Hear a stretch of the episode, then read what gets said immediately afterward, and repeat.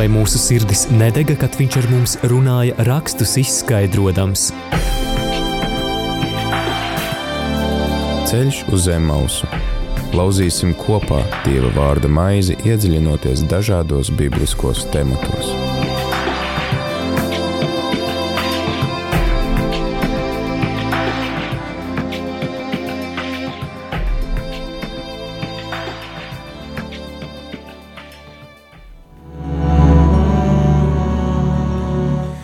Radījumā arī Latvija klausītāji 4 un 9 minūtes 4. 30. septembrī ar TV ēterā priesteris Pēteris Skudra un laiks raidījumam ceļš uz Emausu. Esam arī tad ēterā kopā ar mūsu viesi, kas šodien ir luterāņu mācītājs Roberts Otomers. Labdien! Labdien! Prieks atkal šeit dzirdēt un redzēt ēterā Tad esam tikuši līdz otrās mūzes grāmatas, izceļošanas grāmatas 29. nodaļai, kur uh, ir aprakstīta uh, priesteru iesvētīšana. Mēs joprojām lasām par mūzu, kurš atrodas uh, kalnā, uh, saņem no dieva uh, dažādus uh, norādījumus. Uh, esam lasījuši gan norādījumus par telti, kā tā ir jāiekārto, esam runājuši par uh, to, kādi uh, materiāli eh, jāizmanto telts iekārtojumam, esam lasījuši par altāri, arī par eh, priesteru apģērbu.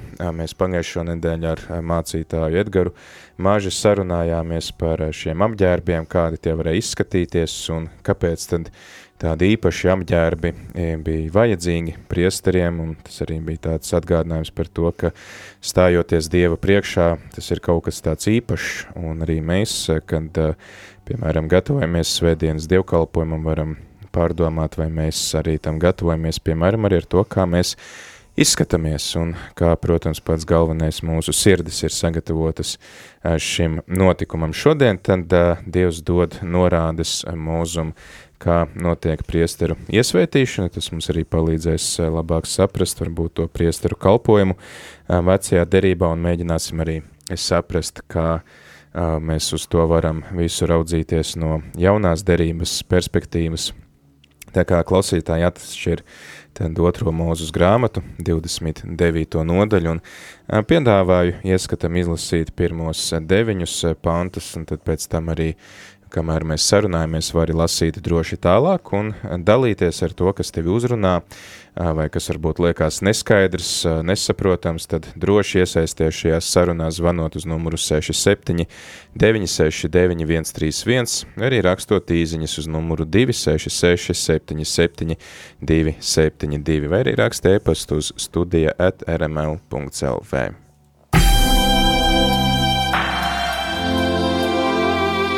Vai mūsu sirdis nedega, kad viņš ar mums runāja, rakstus izskaidrojams?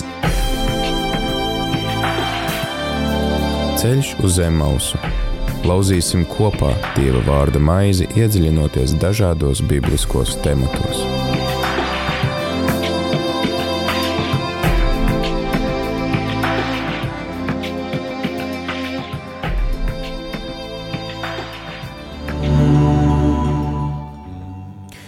Šādi tev jādara, lai viņus iesvētītu man par priesteriem. Ņem vienu jaunu vērsi un divus saunus bez kādas vainas un neraudzētu maizi, neraudzētus plāceņus iejautu seļā un plānus neraudzētus cepumus, apziestus rēņu, tos, gat, tos tu gatavo no smalkiem kviešu miltiem. Saliec tos grozā un nes tos grozā un ved vērsi un abus saunus. Un Āronu ar viņa dēliem pie sajiešanas telts durvīm un mazgā tur viņus ar ūdeni ņem drānas un ietēra pāronu svārkos un virsvārkos, liec tam krūšu uzlikni un sajoz viņu ar efoda jostu. Liec viņam galvā turbānu un uz turbāna liec svēto kroni.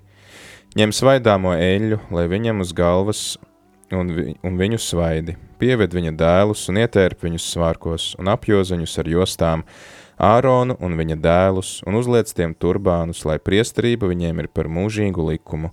Cel Āronu un viņa dēlus amatā. Ceļš uz zem mausu.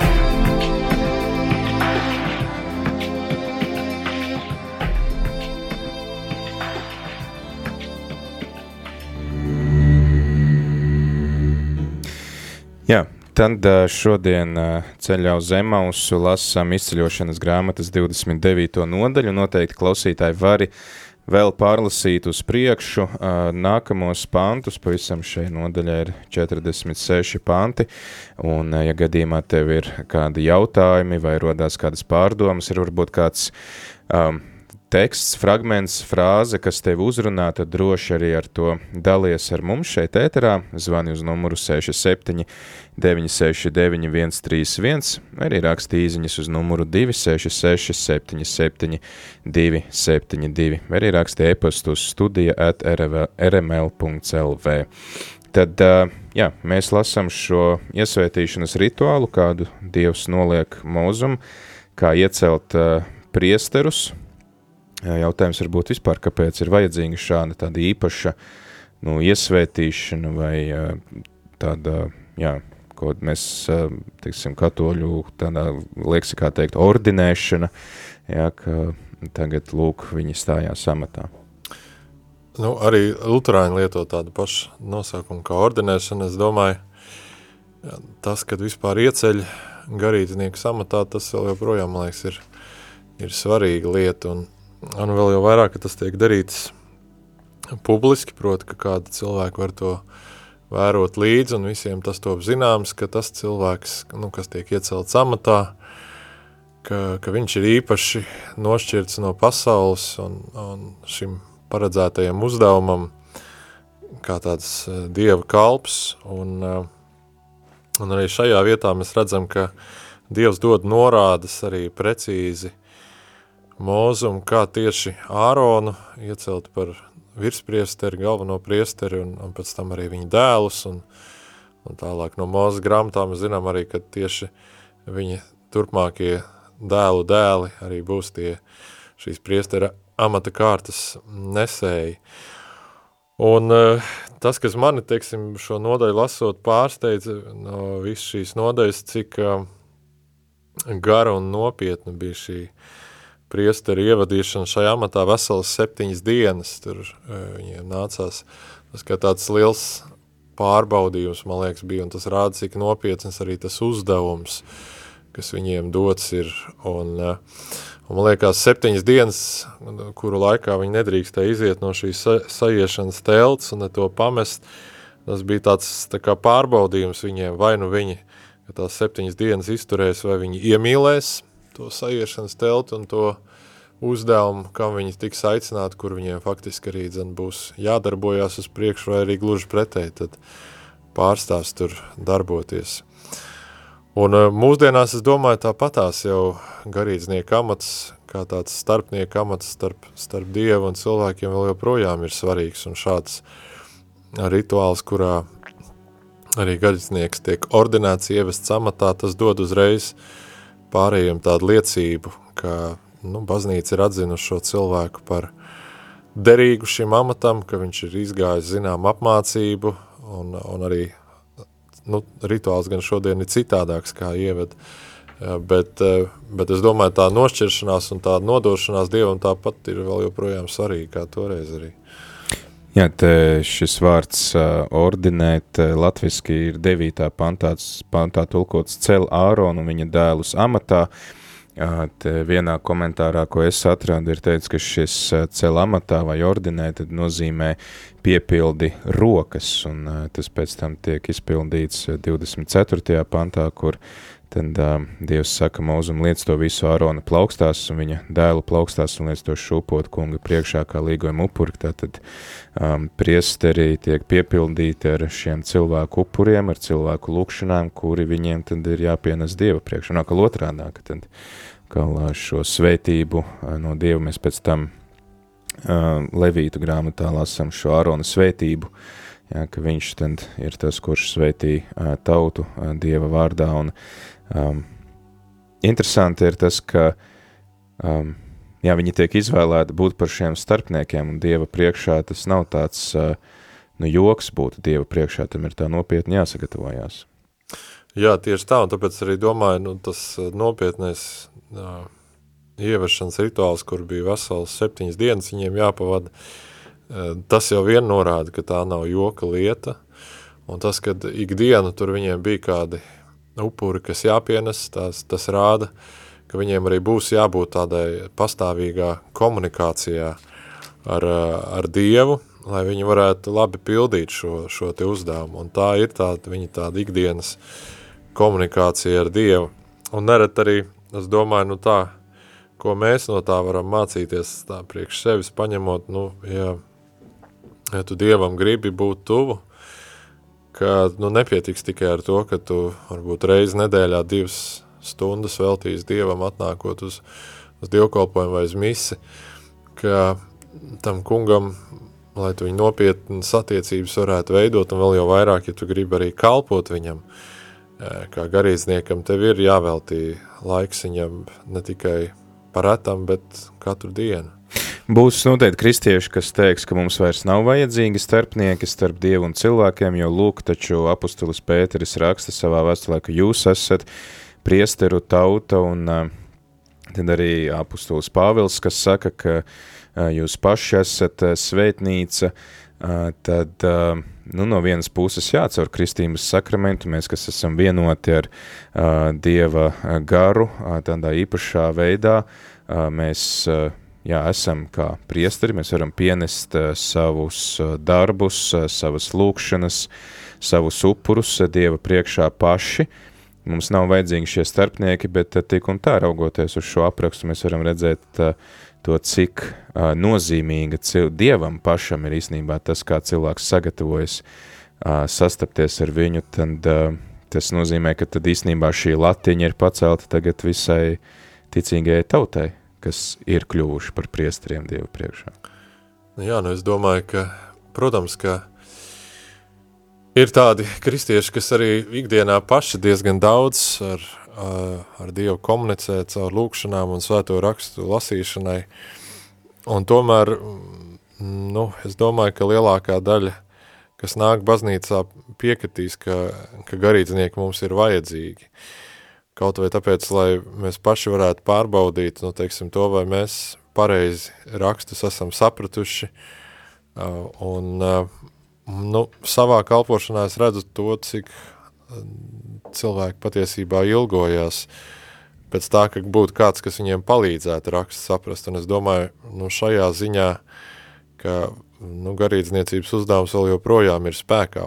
Un otra lieta, protams, arī dzen, ka laika gaitā jau mēs redzam baznīcas vēsturē, ka tā tas arī veidojies, ir, kad eh, arī sakramentu pārvaldīšana ir uh, garīdzniecības rokās, un, un kas arī vēl joprojām ir nu, tāda ļoti svarīga vispār tāds baznīcas sastāvdaļa līdz mūsdienām, kas arī garīdzniekiem tiek uzticēta un pa, viņu rokās tas tiek uzticēts kā tāda droša pārvaldības iespēja, kur Ja mēs katoļi savā teoloģijā runājam par to, ka tā ir kalpojošā priesterība, lai tad visi varētu praktizēt to savu vispārējo priesterību savā ikdienā.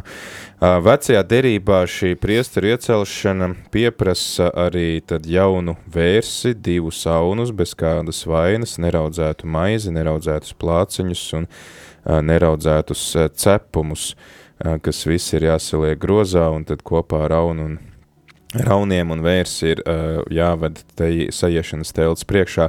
Kāda ir nozīme šiem upuriem, tiem um, vērsim, auniem, cepumiem, maizēm? Nu, uh, tur jau šajā nodaļā mēs lasām veselu tādu tā kā secību, kas pēc kārtas tiek upurēti, un tur sākumā vērsis, un pēc tam tie auni. Un, un tas arī veids, kā tas tiek no, darīts uh, arī ar šo īpašo uh, roku uzlikšanu virsū šiem upuriem un vērsim vai aunam, kuram es tagad neatceros. Vērsim, vērsim jā, jā, jā. desmitajā pantā, ka lai Ārons un viņa dēli uzliek savas rokas vērša galvai. Jā, un šī roku uzlikšana, tas pirmais upuris ar to vēs ir grēku upuris, ka uh, šajā brīdī, kad šie priesteri tiek nesti, eh, nu, tā kā pievesti Dievam, lai viņus nošķiet šīm īpašajām amatam, viņiem jāatzīst caur šo upuri pienešanu, ka viņi patiesībā ir grēcīgi, ka viņi nav pilnīgi, tāpat kā visi cilvēki, neviens mēs neesam bez grāka, kā saka mums to raksti, un caur to, kad viņi uzliek šīs rokas virsū šim vērsim, viņi atzūs, atzīs savu grēcīgumu, un, un šis vērsis kļūs kā par tādu vietniecisko upuri mūsu vietā. Viņi nodod kā savus grēkus šim, šim vērsim, kas tālāk tiek upurēts par, par mūsu grēkiem. Nu, patiesībā, nu, nu, tāda īsa norāda uz jauno derību, par ko ebreju vēstuli runā, ka visi šie vecās derības upuri ir arī tāda, no, vismaz dzīvnieku upuri ir tāda norāda uz Kristu, mm. kurš ir par mūsu grēkiem ticis upurēts vienreiz un par visiem laikiem, un ka visi šie vecās derības upuri vērša nauni, ka tie ir norādījuši uz, uz Dievu. Interesanti, ka te 14. pantā ir teikts, ka sadedzini ugunī ārpus nometnes vērša gaļu, ādu un mēslus, tas ir upuris par grēku, un arī Jēzus mirst ārpus Jeruzalemes pilsētas vārtiem.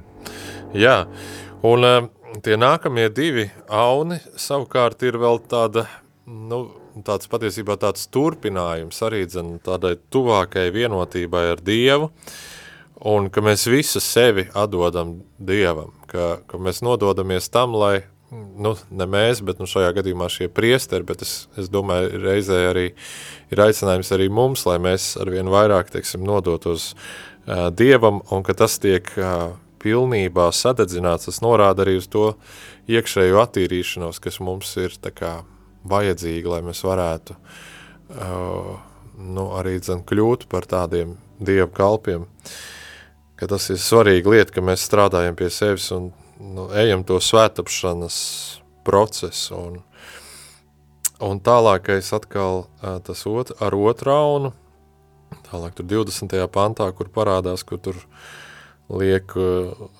tās asinis uz, uz auslipiņām un uz labās rokas un kāju īkšķiem. Tā savukārt atkal norāda uz to tālāk, kas tad notiksies ar, ar šiem priesteriem, kā, kā tas ietekmēs viņus, ka, ka viņiem tālāk pie ausīm, tāpēc, ka viņiem būs jāklausās Dieva vārdi, pie, pie rokām, ka viņiem būs jādara Dieva darbi, un pie kājām, ka jāsteigā Dieva ceļus. Un, un, un tur ka, katrai no šīm lietām ir sava simbolika. Es gan nevarētu sacīt, ka es būtu lielākais eksperts pie, pie šiem upuriem, bet tas ir tas, cik daudz man izdevās arī dzen tā mēģināt no dažādiem komentāriem izlobīt par šo. Par šo. Jā, tad, tad te viens sauns bija jānokauj un viņa asinis jāslaka pār altāri un tad tas arī ir jāizkvēpina virs šī altāra, kā upuris kungam tīkama smarža, tas ir dedzināmais upuris kungam. Tad otrs sauns, jā, viņa asinis tiek apziestas, ar viņa asinīm tiek apziestas labā savas lipiņa, labās rokas un kājas īkšķis, tāpat arī apslacinātas viņu drēbes ar šīm asinīm, kas tad simbolizē to, ka nu jā, mūsu dzirde, mūsu darbošanās ir, tas viss ir kā upuris Dievam. Mēs to varam, mēs staigājam Dieva priekšā, klausamies Dieva vārdu un arī staigājam Dieva priekšā. Tāds aicinājums tad arī uz tādu, nu, pareizu iešanu, varbūt tādā pārnestā nozīmē, ka staigājot Dieva ceļus, ka mēs, tas arī varbūt atsauc ir uz šo izceļošanu, ka tās asinis paglāba jūdu tautu no tā, tās kaitas vai no tā nāves eņģeļa, kas iznīcināja pirmdzimtos, mm. un tagad viņi paši ir aicināti iet tos dieva ceļus. Arī es domāju, tās neraudzētās maizes, tur arī domāju saistību ar tieši ar to izceļošanu, ka viņi, tad, kad viņi muka prom no, no Eģiptes, ka viņi nevarēja e, nu, raugu sev paņemt līdzi un ka viņiem bija jāēd tuksnesī e, tās neraudzētās maizes, tas arī, es domāju, ka tur arī tā norāda uz, uz to un atgādinājums, ka patiesībā Dievs ir tas, kurš mūs izved ārā uh, no visām problēmām. Tāpat varētu sacīt ne tikai no verdzības fiziskā ziņā, bet arī, domāju, no grēka verdzības un visām problēmām, kas ar to ir saistītas arī. Jā, jautājums ir par to, kas ir šie sadedzināmie upuri vai, vai mēs vispār zinām, tas tātad ir kā patīkama smarža, uh, dedzināmais upurs, ar ko viņš atšķirās, teiksim, no tā iepriekšējā upura, par ko mēs runājām? Nu jā, dedzināmais upurs, nu cik man tā izdevies ir saprast, ka tas, uh, nu, liek domāt par to, ka mums viss ir uh, jānodod Dievam, tāda, ja, nu vispār jau tie upuri, man liekas, tāds pārbaudu uz to, cik mēs daudz esam gatavi paklausīt uh, un tā, bet ka šī šis dedzināmais upurs, kas sadeg, sadeg pēc tam uz altāra, ir tas, ka mēs saprotam to, ka mēs to labāko nesam varējuši izdarīt, un ka tad tas, tā vietā mēs pienesam šo te dedzināmu upuri, kas pilnībā tiek sadedzināts. Viņš gan tur vēl tiek sadalīts arī, un tur tas pats labākais tā kā tiek uz altāra upurēts un sadedzināts, un pārējais, kas, kas nav varbūt tas pats labākais no tā dzīvnieka, tas tiek vēl iznests ārpus nometnes un sadedzināts, lai nekas nepaliek pāri. Bet, nu, tā doma ir, ka šis dzīvnieks aizvieto mūs un to labāko, ko mēs varam, ka Dievam mēs pienesam, un tāpēc arī bija svarīgi, ka tie dzīvnieki ir, nu, tādi, uh, bez vainas, kad ir vajadzīgs bezvainīgs upuris. Un tā, tā, tā arī starp citu norāda uz, uz Kristu, ka viņam arī bija jābūt pilnīgam, perfektam, bez grēka, lai tas upuris, kā vietnieciskais upuris mūsu labā uh, derētu un, un, un, un, un varētu veikt šo, šo uzdevumu. Tāpēc vēlns viņu mēģināja pieķert visādus veidu grēkos, lai kaut vienā lietā viņu atrastu grēcīgu, un tad tas upuris nebūtu derīgs, bet tā arī viņam uh, neizdevās to izdarīt. Jā, tātad aicinājums uh, atdot Dievam to labāko un uh, liekas arī varbūt tā bezjēdzīgi sadedzināt Dievu priekš arī neko viņam pat nelūdzot, jo, ja tas pirmais upuris bija uh, tāds kā nu, grēku nožēlas upuris, ja lūdzot grēku piedošanu, tad uh, šis pirmais sauns tiek sadedzināts vienkārši Dieva godam, mm. ka jā, mēs eh, Dieva priekšā varam veltīt, piemēram, savu laiku, kas arī ir ļoti vērtīgs, vienkārši tāpēc, ka Dievs ir Dievs, nevis tāpēc, ka mēs viņam kaut ko prasam vai, vai lūdzam un tā. Jā, un vēl es gribēju par tiem upuriem sacīt, man liekas, nu, ebreju vēstuli, man liekas, ļoti labi to, to atklāja, principā vispār par šo vecās derības upurēšanas sistēmu, ka tas ir, ka tas ir bijis vecās derības evaņģēlijs, tā varētu sacīt, kur cilvēki, pēc tam visi tie ikdienišķie upuri, kas tur tiek pienest par cilvēku grēkiem, ka Dievs dod baušus, un kuri mums ir jāpild, un Dievs no mums sagaida tādu perfektu un pilnīgu paklausību, bet cilvēks saprot, ka viņš nespēja to pilnībā izpildīt, un ko tad darīt ar to, kur viņš ir sagrēkojis, un tad Dievs dod šo te, nu, piedošanas sistēma, ja varētu tā sacīt jau vecajā derībā, ka cilvēki, kas bija sagrēkojušies par sevi, varēja pienest šos te upurus un izpirkt savus grēkus, un tā bija tāda ļoti dievišķa pedagoģija. Katru reizi, kad tu esi grēkojis, par tevi tiek pienests upuris, un tu saproti, jā, bet tas ir manu grēku dēļ, un kad, tu, kad tas liek domāt nākamreiz, kā tas būs. Un pēc tam ebreja vēstule vēstīja, ka visi šie auni jau nenesa to grēku piedošanu, bet patiesībā, ka Kristus ir īstais tas, kas to nesa, un ka visi šie jauni norādīja uz to vienu upuri, kas uh, reiz nāks, un pēc tam, ka viņš bija atnācis, ka pēc tam vairāk tad nebija vajadzīgs turpināt šo te tempļa kalpošanu ar upuriem, un tāpēc arī to šodien vairāk nav. Jā, interesanti ir ar eh, šo otro aunu, kas ir eh, jāliek Ārona rokās. Mēs lasām no 20. panta, ka ir, jā, tā tad ņem, liec to visu Ārona plaukstās, viņa dēlu plaukstās un liec to šupot kunga priekšā kā līgo, līgojamo upuri. Kas ir līgojamais upuris? Nu, interesanti, es vienā komentārā lasīju, ka tas līgojamais upuris uh, bija tā kā mm, obligāti uh, jākustina pretī tam altārim, proti, ka viņi nevarēja pa labi, pa kreisi e, kustināt, bet tieši pretī altārim, kad, tas būtu skaidrs, ka tas tiek uh, Dievam nodots.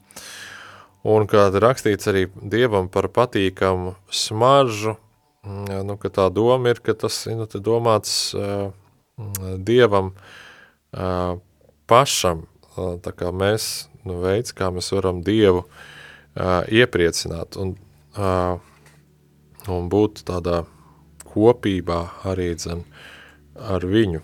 Nu, tas ir tas, ko izlabi. Varbūt tev kas vairāk par to zināms. Jā, man, man šis, jo pēc tam vēl 28. pantā vismaz latviski ir runāts par, ne vai tagad es jaucu par cilājamo upuri. Tātad tas ir upuris, ko pienes Dieva priekšā, arī tiešām tā burtiski līgojot rokās, mm. tā šūpojot, ja, tā kā.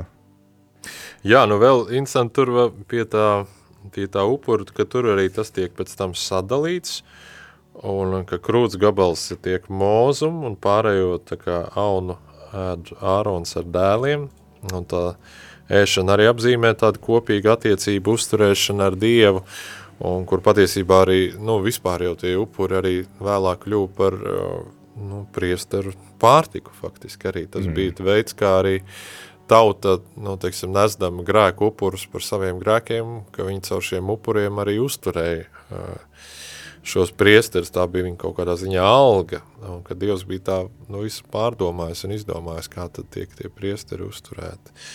Jā, tas arī atgādina šos derības slēgšanas upurus, piemēram, Ābrahams un arī tā pati izredzētā tauta sinie kalna pakājai, um, kad Dievs slēdz derību, vai arī, piemēram, divi cilvēki tajā laikā slēdza kādu derību savā starpā, tad tās derības apliecinājums bija kopīga maltīte. Uh mhm. -huh. Un uh, tad uh, pienesot šos upurus, uh, kaut kas tiek sadedzināts Dievam, it kā Dievs ieturētu maltīti un ēdam arī mēs paši, uh, kas parāda to, ka mēs esam tādās derības attiecībās ar Dievu, ka mēs esam, nu, partneri. Jā, vispār es domāju arī, jaunajā derībā jau arī Jēzu, Jēzus kalpošanā mēs redzam, cik ārkārtīgi daudz, nu, nu, vai nozīmīgu vietu ieņem tāda galda kopība kopā, un ka Jēzus ar saviem 12 mācekļiem pavada kopā laiku ne tikai, teiksim, tādos dievkalpojumos un kaut kādās bībeles stundās, kā mēs to iedomājamies šodien, bet ka, nu, viņi ir kopā 24-7 katru dienu, dienu no dienas, un viņi ne tikai redz Jēzu sludinam, bet, nu, dziedinam, bet arī kopā ar viņu ēd. Un bieži vien tieši tie mīlesti ir tāda brīži, kad viņi, proti mācekļi var pavaicāt Jēzum kaut kādus jautājumus, kas ir viņiem svarīgi, un vēlāk jau arī nu, svētais vakarēdienas, ko, ko Jēzus uzticīs pirms savas nāves saviem mācekļiem. Arī maltīt. Arī maltīt, tieši tā, un ka tas ir ļoti svarīgi tā galda kopība, vispār es domāju, ka mēs kā kristieši to es domāju, ka esam pieredzējuši, cik svarīgi ir, kad ir sadraudzība. Tagad gan Covid laikā tas bišķīt ir ieb, ier, ierobežojies un tā, bet un tad, kad tā trūkst, kaut ko tu jūti, ka kaut kas iztrūks no tādas, nu, vakarēdien, gan mēs varam saņemt, bet es domāju, teiksim, tāda sadraudzība un galda kopība, ka tas ir kaut kur paņemts nos daļēji vismaz un, un tad tas trūkst, jā, tas kaut kā izjūt to kā trūkumu. Vismaz. Jā, tas uh, ir interesanti arī, ka, ja mēs lasām tā rūpīgi svētos rakstus, tad uh, svētie raksti ir pilni ar maltītēm, un, kā saka, svētie raksti sākās ar to, ka Dievs klāja galdu, viņš saka, ņemiet un ēdiet visu, mm. izņemot vienu augli. Un uh, svētie raksti arī noslēdzās ar maltīti, jo, ja mēs atšķiram atklāsmes grāmatu, tad ir uh, šis debesu apraksts, ģēra, nu, dieva ģēra, uzvaras tāds kāzu mielasts, kurā visi ēd, kur nekad nebeidzās ēdieni un dzērieni, un kurā valda līksmība. Tas, nu, viens ir, teiksim, tas nāk no konkrētas kultūras, kur varbūt arī šī galda kopība ir būtiska, bet es domāju, ka arī mums no šodienas perspektīvas lasot, arī redzot to, cik jēzum svarīgas bija maltītes, ir vērts padomāt par to, ka ar ko mēs sežamies pie viena galda un ka Dievs arī grib būt pie viena galda ar mums, jo parasti jau maltīti ietur kopā tādi tuvi cilvēki, svešinieki jau tur nesēžās pie viena galda. Jā, tā ir laba tāda perspektīva, ka mums debesu valstībā sagaida arī kopīgs mielas, tas domāju, tas ir baigi forši. Es domāju, ka cilvēki jau, man liekas, tāpatās jau diezgan dabiski šķiro, nu, ar ko viņi kopā sēdīsies pie viena galda un ne, un parasti, kā jau tu teici, jā, ka tos, ar kuriem ir tādas labas attiecības, vai ar kuriem gribētu izveidot labas attiecības, ar tiem sēžās kopā pie viena galda. Un tas, ka jau mēs nu, šeit ir zemes, arī, teiksim, nu, baznīcā sadraudzībā esam kopīgā milstā un iepazīstam viens otru, tas ir tāds labs laiks, kur mēs kaut kādā ziņā varam trenēties uz to, kas mūs sagaida vēl daudz pārākā mērā debes valstībā. Jā, atgādinu klausītājiem, ka šodien sarunājamies ceļā uz Emausu ar eh, mācītāju Robertu Otumeru un lasam eh, izceļošanas grāmatas 29. nodaļu, ja gadījumā tevi klausītāji kaut kas ir uzrunājis eh, šajā nodaļā vai ir kādi jautājumi, tad uh, vari droši iesaistīties uh, zvanot uz numuru 67 969 131, arī rakstot īziņus uz numuru 266 77 272. Tā kā runājam par uh, upuriem, tad arī dziesma atbilstoša šim tematam. Thank you.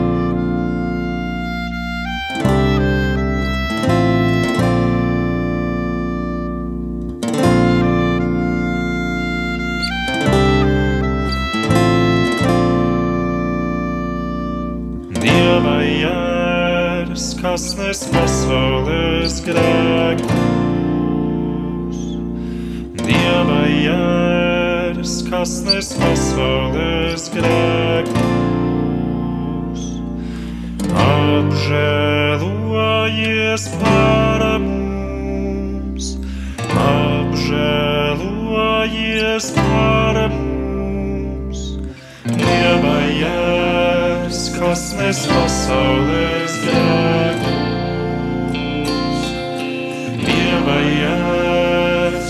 Nes pasaules grēku.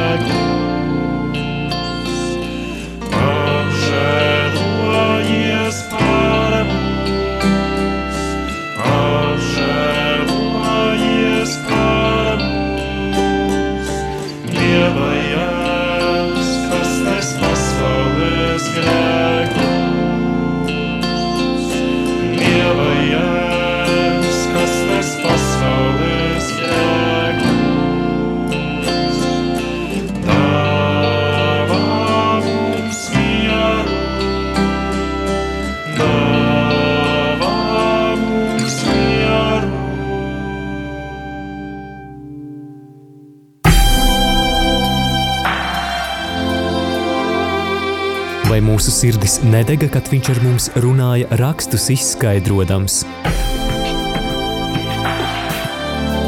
Ceļš uz zemes mausu. Lauzīsim kopā Dieva vārda maizi, iedziļinoties dažādos bibliskos tematos.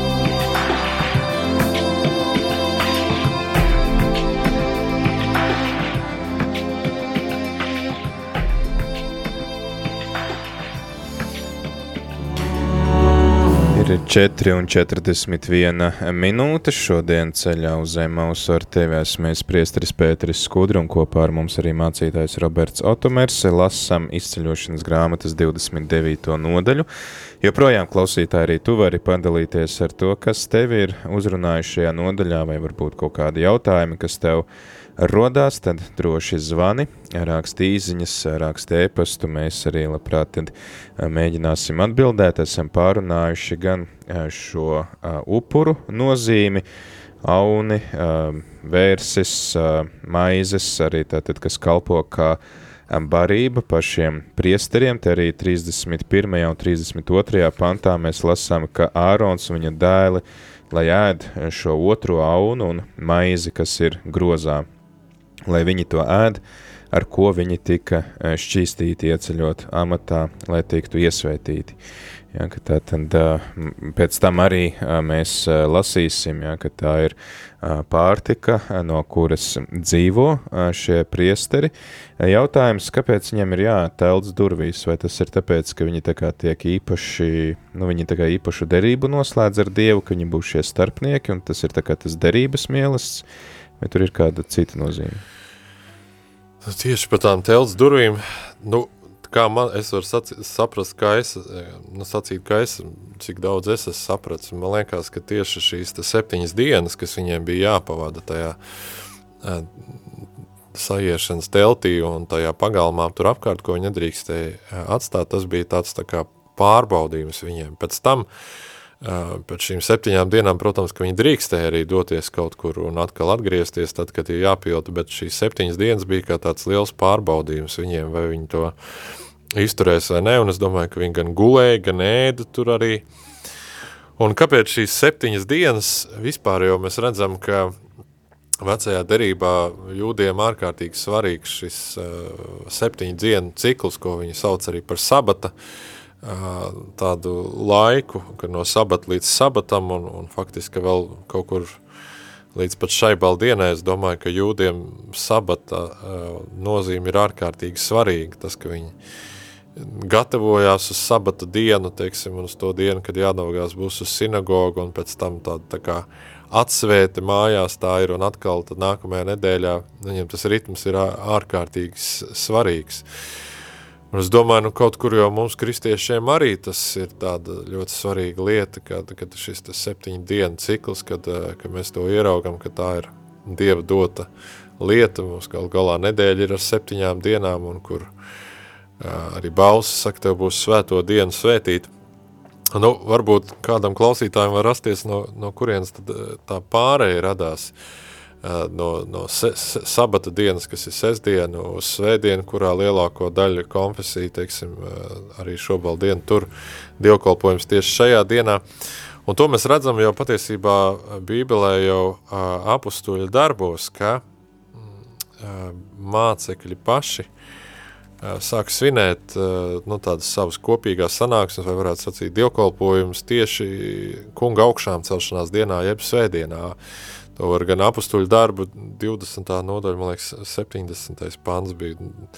Un vēl arī korintiešu vēstules beigās var redzēt, ka tieši viņi sanāca kopā šī augšām celšanās dienā, jo, jo sabata dienā uh, mūsu kungs adusējās kapā. Nu, lielajā piekdienā viņa piesīt krustā, tad sabata dienā viņš gulēja kapā, un tad, nu, pēc jūdu skaitīšanas metodas pirmajā nedēļas dienā, jeb uh, svētdienā viņš augšām cēlās no miršiem. Tā kā reizēm es esmu dzirdējis no kādiem adventistiem vai vēl kaut ko, ka tur, zin, katoļu, kāds pāvests to ir izmainījis, to sabatu svētdienu, bet tā nav taisnība.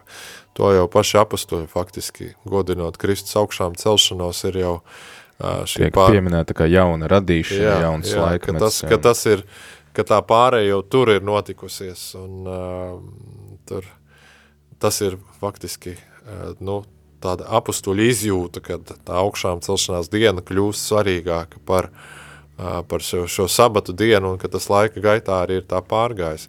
Bet patiesībā jum, mums jau Nu, tā ir tāda kristīga brīvība, jebkura nedēļas dienas svinēt divkolpojumu. Nu, zaram, svētdiena, sestdiena ir pa nedēļas vidu, kā daudzās draudzēs, tādās lielākās tas arī notiek.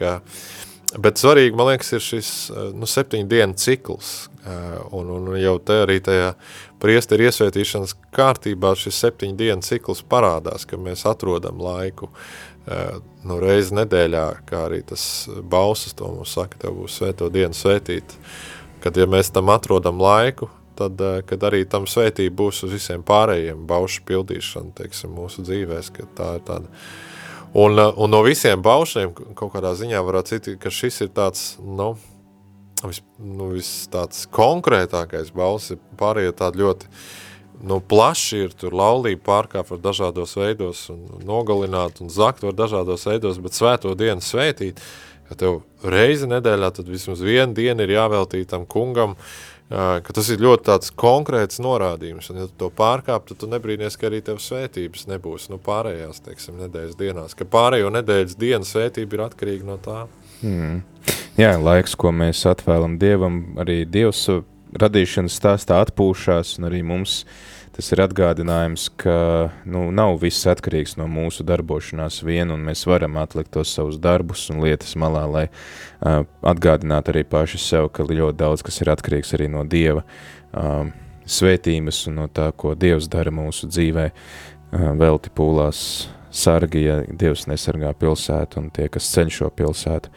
Jā, Dievs neceļ. Uh, šī nodaļa beidzās uh, 38. līdz 46. pāns ar um, tiem tādu ikdienišķu upuri, kas uh, priesteriem ir jāupurē uz altāra un uh, kas ir jāpienes uh, tādā ikdienas uh, sadzīvē uh, tautas uh, vārdā, un tur uh, ir interesantas tādas mērvienības minētas uh, 40. pantā desmito daļu uh, mēra miltu un sajauktu ar ceturdaļu hīna, kas ir šis desmitā daļa mēra un, un, un vecajā tulkojumā ir ēfa un ceturdaļa hīna. Es godīgi sakot, nemācēšu to atbildēt. Nu, tad tā, ne, esmu tik labi pazīstams ar tām mērvietībām. Tev ir izdevies kaut ko tādu? Es esmu kaut kur atradis, ka tie varētu būt gandrīz 4 litri, tā desmitā daļa ēfas varētu būt aptuveni 4 litri tātad miltu, uh Mhm. -huh. un ceturdaļa hīna būtu aptuveni, nu, kā nepilni 2 litri, tad šīs te eļas. Um, jā, tās ir tās mērvienības, kuras droši vien lasot mums, jā, te ir arī rakstīts ceturdaļa hīna ir 1,87 litri. Um, spiestas eļas, lejamais upuris, tātad arī eļa īstenībā tas, nu, tāda nav tā lētākā prece tuvajos austrumos, tā tā diezgan Nu, pietiekam liels arī daudzums, ja tā Jā. padomā, tas nav tur kaut ko bišķīt pilīts, kāds uzšpricēt virsū, tas tie, tie diezgan ievērojams tāds daudzums, bet es domāju, ka tas daudzums arī norāda uz to, ka tā lieta ir eh, no, nopietni, jā, jāsaka tā, ka vispār, ka mūsu grēki ir, e, ir nopietni lieta tā kunga priekšā, un tāpēc arī tam, tiem upuriem, jeb grēku izpirkšanas upuriem ir jābūt nopietniem. Bet šis ikdienišķais upuris, man liekas, eh, vairāk nekā varbūt citi, citi upuri parāda, cik svarīgi mums ir eh, ikdienas komunikācija ar to kungu, ka nu, tāda, teiksim, neatlaidība, eh, Dievu iepazīt, nu, kā tādas attiecības veidot. Es domāju, nu, piemēram, kad, kad kādi draugi, teiksim, nu, ja viņi ir labi draugi, viņi ilgosies viens otru satikt pēc iespējas biežāk un vairāk laiku pavadīt kopā. Un tas pats arī, teiksim, la, nu, laulībā, teiksim, kad laulāts pāris arī, ja viņi grib viens otru iepazīt, viņi meklēs laiku, teiksim, iepazīt. Bet, bet ja, piemēram, draugi ilga laiku nesatiekās vai, vai piemēram, ja laulātais pāris nesarunājās savā starpā, tad mēs uzreiz nu, konstatējam, ka kaut kas tur nav kārtībā, ja viņi negrib laiku pavadīt savā starpā, negrib sarunāties savā starpā. Ja tev kāds rūp, tu gribi ar viņu pavadīt laiku, gribi ar viņu kopā būt. Un, un šis dienišķais upurs, nu, tas ir tāds pamudinājums arī priesteriem, es domāju arī daudziem tautas locekļiem, par kuriem arī tas upuris tiks pienests, ka, ka, ka viņiem ir nu, tāds mudinājums, nu, pavadiet regulāri ar to kungu kopā laiku, un tas nesīs svētību uh, jūsu ikdienas gaitām. Jā, jo šī nodaļa arī beidzās ar apsolījumu, ko um, Dievs jau ir sacījis caur mūzu, ka uh, šī uh, telts uh, klātbūtne tautā un arī tad uh, tas uh, tie rituāli, kas tur tiek veikti, šī kalpošana tur, tad um, ir kā tāds apsolījums, ka es mājošu starp Izraēla dēliem, es būšu viņiem par Dievu, un viņi zinās, ka es esmu kungs viņu Dievs, kas viņus izvedis no Eģiptes zemes, lai es mājotu viņu vidū, es esmu kungs viņu Dievs, kas parāda atkal šīs tuvās, var teikt, personiskās attiecības no Dieva puses, ka viņš vēlas būt tūs, viņš grib būt šīs tautas Dievs. Jā, un tas, tā, tas tuvums arī īstenosies tieši caur to, ka nu, šī ikdienas kalpošana tiks veikta, tas būs kā tāda liecība tautai par to, kad, ka tas kungs ir tuvu, ka tieši caur šiem upuriem tas īstenosies.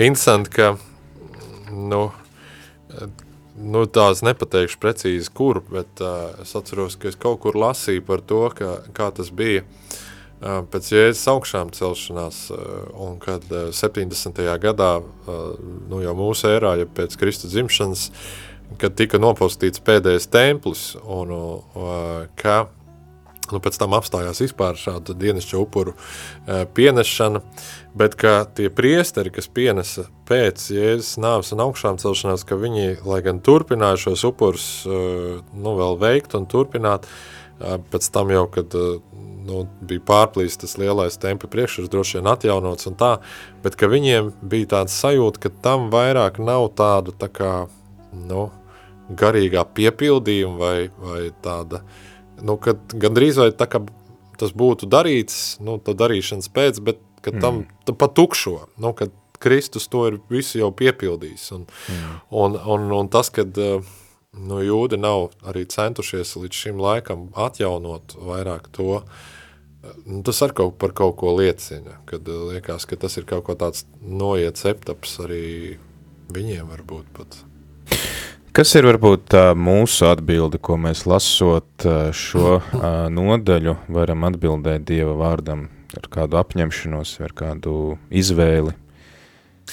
Nu, es domāju, ka nu, man liekas, te tas nu, galvenais uzsvars jau patiesībā ir uz tādu kopā būšanu ar Dievu, nu, kad meklēt viņa tuvumu, nu, protams arī uh, šie upuri, kas norāda uh, uz tādu izlīdzināšanos ar Dievu, ka katru reizi, kad mēs uh, nu, esam sagrēkoši, ka meklējam izlīgt ar to kungu, nākam uz grēku sūdzi, nākam uz dievkalpojumu saņemt uh, sakramentu, un uh, tas, es domāju, ir tas uh, pamudinājums arī. Nu, varbūt arī, es domāju, teiksim, nu, tā roku uzlikšana uz tā uh, auna, kad nodotos, teiksim, grēkus arī. Es nezinu, vai, vai jums pie privātās bikstas tiek arī praktizēts, ka tad, kad cilvēks izsūdz grēks, ka viņam uzliek rokas un pasludina grēku pie. Tā, kā tad baznīcā? Nu, tiek izteikti šie vārdi, un ja tas notiek varbūt tādos kādos privātākos apstākļos, tad reizēm jā, arī uzliek rokas. Nu jā, mums tas diezgan tiek, nu, tā kā motivēts un aicināts. Es tā es domāju par to, ka, lūk, te roku uzlikšana nu, nodeva tā kā vietnieciskajam tam upurim to, un kad, un kad šī roku uzlikšana jau īstenībā nu, pastiprina to. Protams, ka vārdi jau darbojas arī bez mm. roku uzlikšanas, tas ir, tas ir skaidrs, bet viņi tā kā, nu, nu tā kā konkretizēja, pasaka, nu, kas uz, kur konkrēti tas, un man liekas arī cilvēkiem, kam ar roku uzlikšanu grēku piedošana tiek pasludināta, ka tas ir, eh, nu tā viņas, tu pavisam skaidrs, ka tas ir viņam, mm. nevis tur blakus pa kādam pa kreisi. Nu, protams, ja arī viņš viens pats telpā, tad jau arī skaidrs. Bet, nu, jā. Jā, Robert, liels paldies, eh, ka tev bija laiks būt kopā ar mums un eh, palīdzēt iedziļināties šajā rakstu vietā un censties to paskaidrot un saprast. Ceru klausītāji, ka arī jums tas noderēja un Tad jau arī noslēdzam šo raidījumu, tiksimies atkal nākamajā epizodē ceļš uz Emausu jau nākam ceturtdien. Tagad tad dodam vārdu raidījumam laiks īstiem vīriem, jau kas pavisam, pavisam drīz sāks skanēt ētrā. Ceļš uz Emausu.